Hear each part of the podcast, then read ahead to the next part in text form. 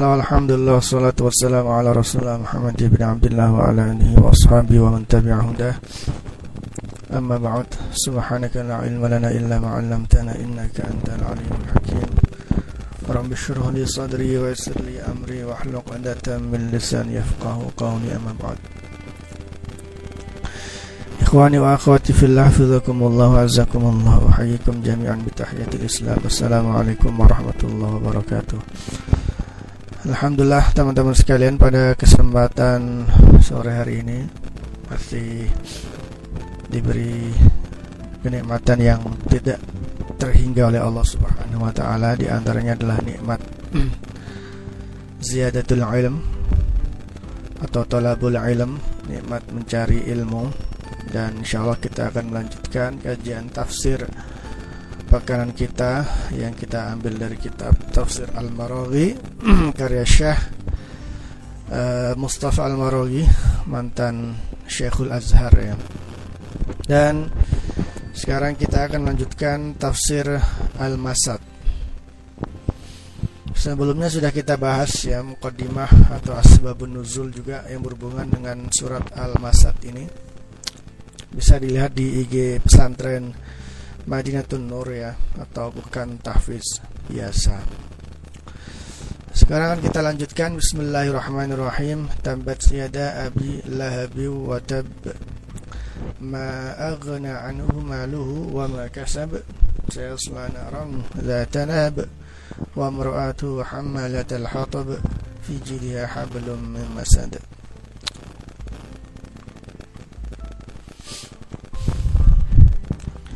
kita terjemahkan dulu secara uh, global.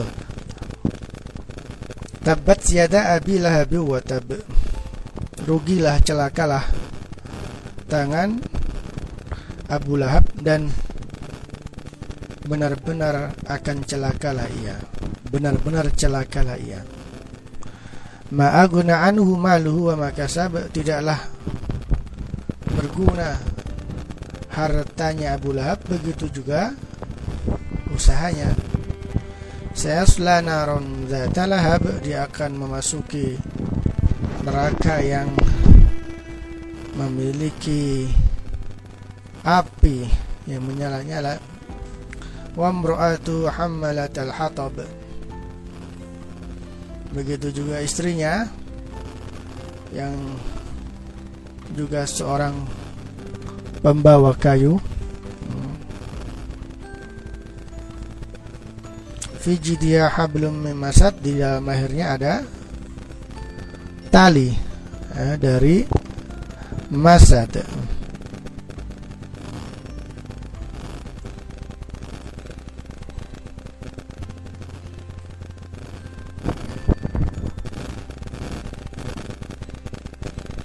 Taib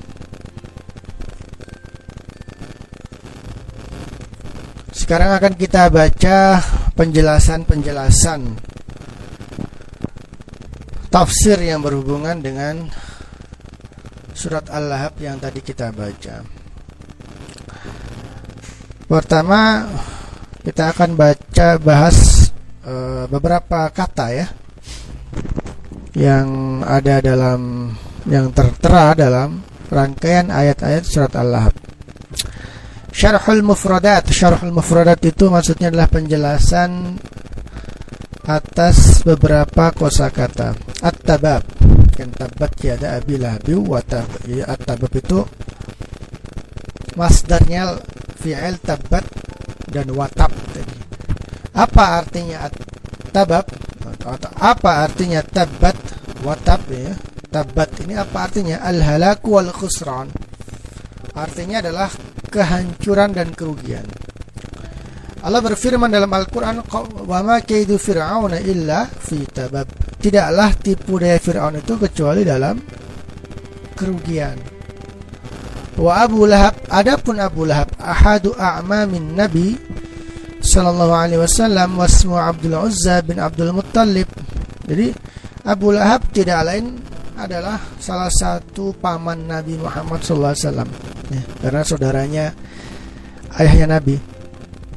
Ya.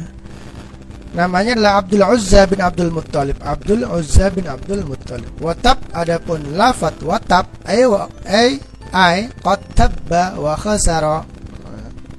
Sama artinya dia sungguh telah rugi celaka dan rugi. Yasla naron ay yajidu harraha wa yazuquhu maksudnya yasla naron itu adalah dia akan merasakan ya, panasnya api neraka. Walahabun nari ma yasti'u anha inda ishti'aliha wa tawqidiha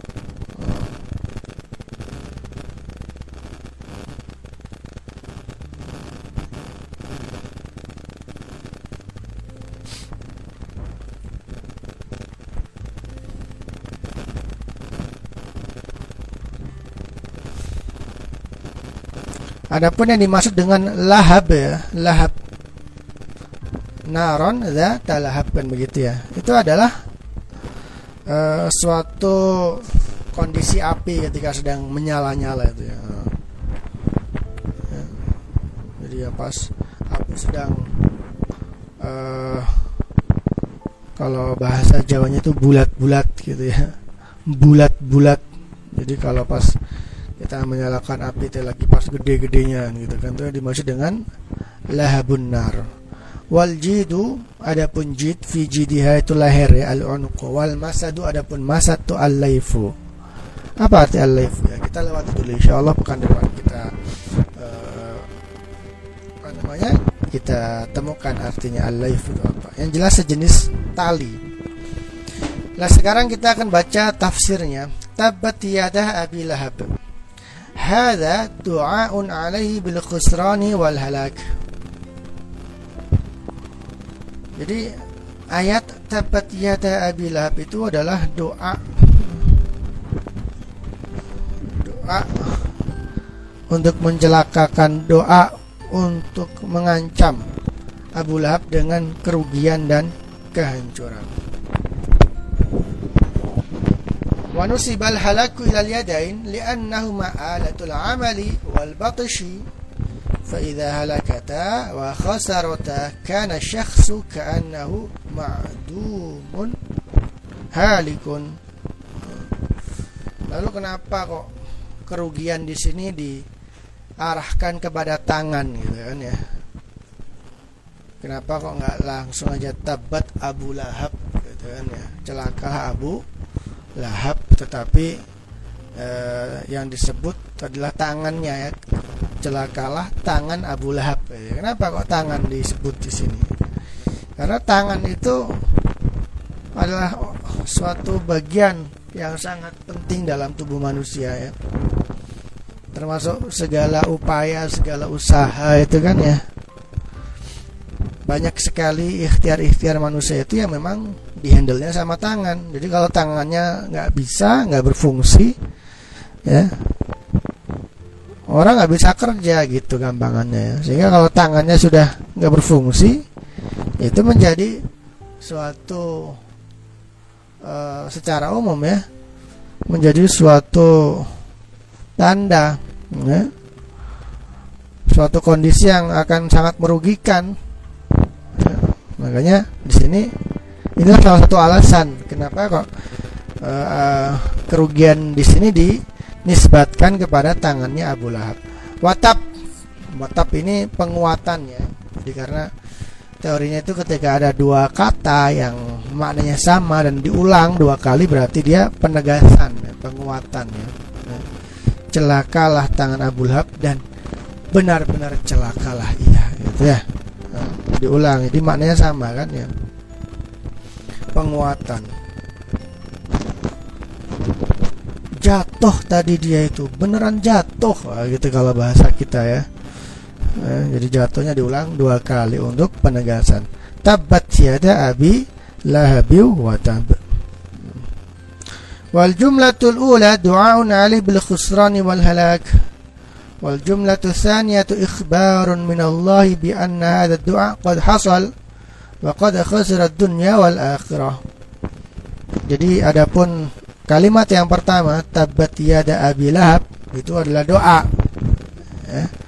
doa untuk mengancam Abu Lahab sementara jum, kalimat yang kedua watab ini kan satu kalimat karena sudah ada eh, apa namanya subjek dan predikat ya. itu adalah pemberitahuan dari Allah bahwa eh, doa yang disampaikan itu akan terjadi gitu ya dan sungguh terjadi kan ya karena Abu Lahab ini kan akhirnya dia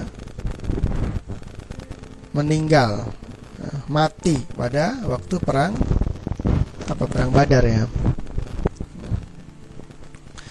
ثم ذكر أن ما كان يعتز به في الدنيا من مال وجاه ثم ذكر أن ما كان يعتز به في الدنيا من مال وجاه لم يغن عنه من الله شيئا يوم القيامة Kemudian Al-Quran juga menjelaskan bahwa hal-hal yang disebut hal-hal yang seringkali digunakan untuk berbangga-bangga untuk dijadikan standar kemuliaan di dunia seperti harta seperti eh, apa namanya pangkat ya, itu tidak ada hubungan tidak bermanfaat apa-apa untuk Allah pada hari kiamat. Makanya Allah mengatakan ma anhu maluhu wa ma kasab. Tidaklah bermanfaat bagi Abu Lahab harta dan usahanya. Ay lam yufiduhu hina idzin maluhu wala amaluhu alladhi kana yati fi dunya min ma'a min mu'adatihi min mu'adatihi Rasulullah talaban lil 'ului waz zuhur Jadi kalau udah seperti itu ya nggak manfaat nanti kalau sudah di akhirat nggak ada manfaatnya harta dan kedudukannya Abu Lahab itu ya. untuk menjadi tameng dari murka Allah dari neraka Allah ya.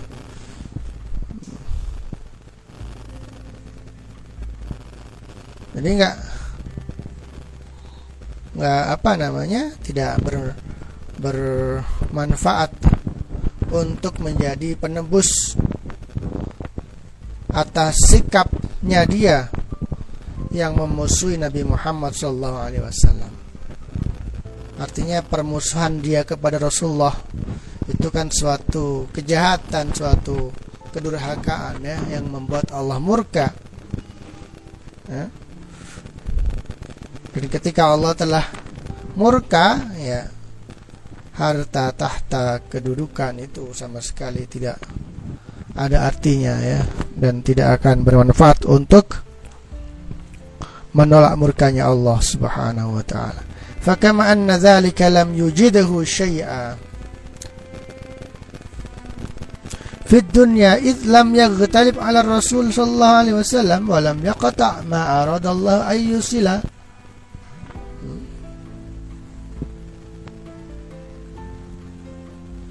لم يفته في الآخرة بل لاحقه البوار والنكال وعذاب النار.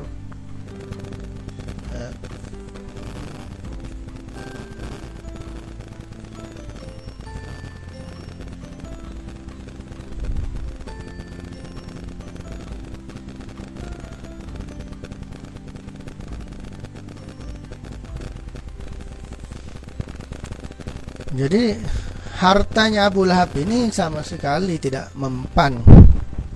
Seperti halnya hartanya Abu Lahab, kedudukannya Abu Lahab itu tidak e, mempan ya untuk memalingkan Nabi Muhammad SAW ya, ya, untuk menaklukkan mengalahkan dakwah Nabi Muhammad SAW di dunia begitu juga ya. di akhirat juga harta dan kedudukannya Abu Lahab ini tidak ber, berarti apa-apa Yeah.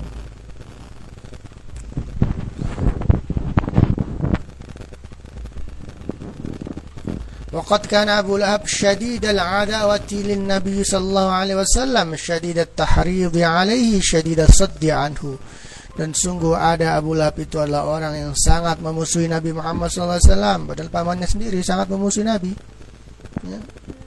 sangat menentang jadi tidak hanya menentang, sangat menentang. Tidak hanya memusuhi, sangat memusuhi. Walaupun dia adalah paman Nabi. Ya, dan dalam suatu riwayat diceritakan ketika Nabi Muhammad lahir itu Abu Lahab termasuk paman yang paling senang sekali dengan kelahiran Nabi Muhammad ya. Tapi karena dianggap ini orang bisa mengganggu kedudukannya, kedudukan sosialnya, mengganggu kepentingannya, ya akhirnya dia sangat membenci dan menentang. Bahkan termasuk orang-orang yang e, memobilisasi masyarakat untuk menentang Nabi Muhammad SAW. Rawa Ahmad an Rabi'ah bin Aibad qala ra'aitu an-nabi sallallahu alaihi wasallam fil jahiliyati fi suq dhil majaz. Wa huwa yaqul qulu la ilaha illallah tafla tahf تفلح والناس مجتمعون عليه ووراءه رجل. وضيء الوجه أحوال ذو.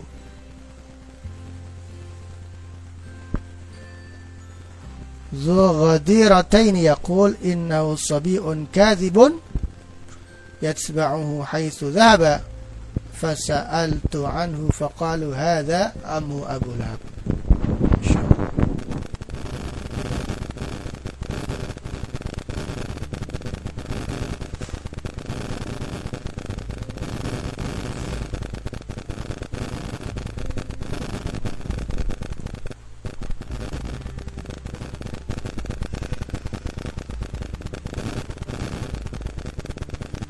Jadi dalam suatu riwayat dari Rabi'ah bin, bin Ibad suatu ketika Nabi Muhammad pada masa jahiliyah ya, pada masa awal-awal dakwah pernah suatu ketika beliau berdakwah di pasar ya. Pasar Zil Majaz ya, dan beliau menyeru Wahai manusia, qulu la ilaha illallah taflahu. Katakanlah la ilaha illallah maka kalian akan berun beruntung. Pada waktu itu manusia berkumpul. Ya, berkumpul di sekitar Nabi Muhammad sallallahu alaihi wasallam tetapi ya ketika Nabi Muhammad sedang menyeru dakwah seperti itu ya sedang berdakwah seperti itu ya di belakangnya ini ada orang yang selalu menjelek-jelekan ya. wah ini mah pendusta ya.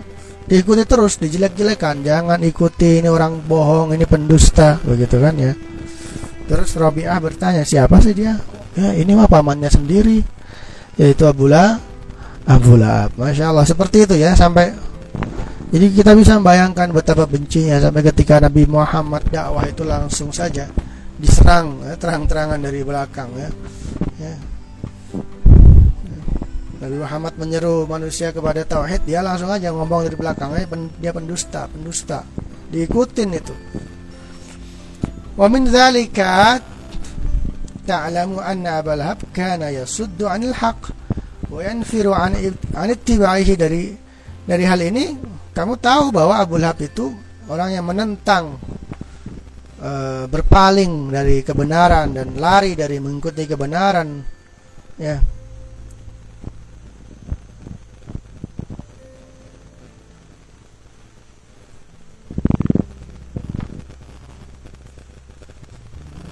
Ini mohon maaf ini ada kata-kata atau huruf-huruf yang sepertinya kayak tidak jelas وذاع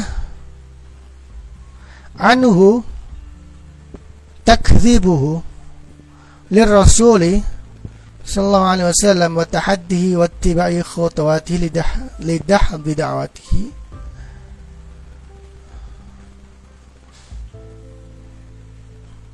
والحط من شأن دينه وما جاء به.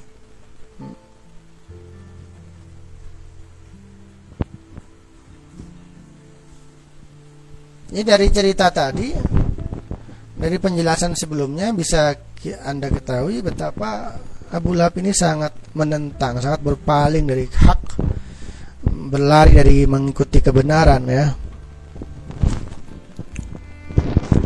ya sampai dia apa Nabi Muhammad berdakwah itu diikuti dari belakang ya diikuti dari belakang Nabi Muhammad ngomong dibantah Nabi Muhammad ngomong dijelek-jelekin dari belakang ya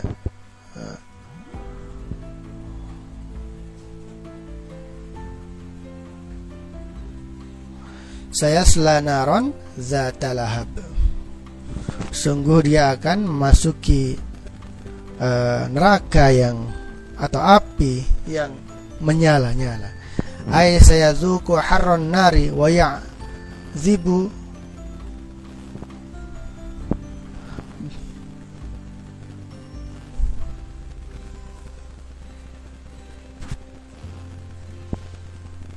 mohon maaf ini beberapa kata yang saya tidak tahu ya, nggak tahu artinya nih. Wa yu'zabu ya. Bila zoha afan afan udah ketemu ya. Lazo lazo. Naron talazzo sama seperti itu akar, akar katanya. Maksudnya dia akan merasakan panasnya neraka dan disiksa dengan uh, apa namanya? Uh, menyala-nyalanya api neraka ya. Itu e, itu tadi adalah kajian kita pada sore hari ini ya. Mohon maaf kalau ada kekurangan-kekurangan, terutama ada beberapa kata-kata yang saya belum tahu mak maksudnya ya karena memang saya belum tadi tidak sempat e, menyiapkan ya tetapi secara garis besar insya Allah bisa kita pahami ya apa yang tadi kita baca dari tafsir surat Al-Masad dalam kitab uh, tafsir Al-Maraghi ini. Begitu ya. Berupa ya di antaranya uh, kebencian yang sangat mendalam dari sosok Abu Lahab kepada dakwah Nabi Muhammad SAW kebenciannya dan uh, permusuhannya gitu kan ya. Padahal dia adalah nabi dia adalah paman Nabi Muhammad SAW makanya uh, ini juga jadi pelajaran buat kita ya ketika kita berdakwah ketika kita menyeru kepada kebenaran ya. Bukan hal yang aneh seandainya ada orang terdekat kita yang menentang dakwah kita karena nabi-nabi juga seperti itu. Nabi Muhammad ditentang oleh pamannya Nabi Nuh ditentang oleh istrinya Nabi Lut ditentang oleh istri istrinya begitu jadi kita tidak perlu merasa kecil hati dalam kondisi seperti itu karena para nabi juga ternyata bisa menjadi teladan kita, gitu kan ya dalam hal ini. Dan insya Allah kita akan lanjutkan tafsir surat Al-Masad ini uh, pekan depan ya. Aku lu qouli hadza wa astaghfirullakum subhanakallahumma wa bihamdika asyhadu an la ilaha illa anta astaghfiruka. Assalamualaikum warahmatullahi wabarakatuh.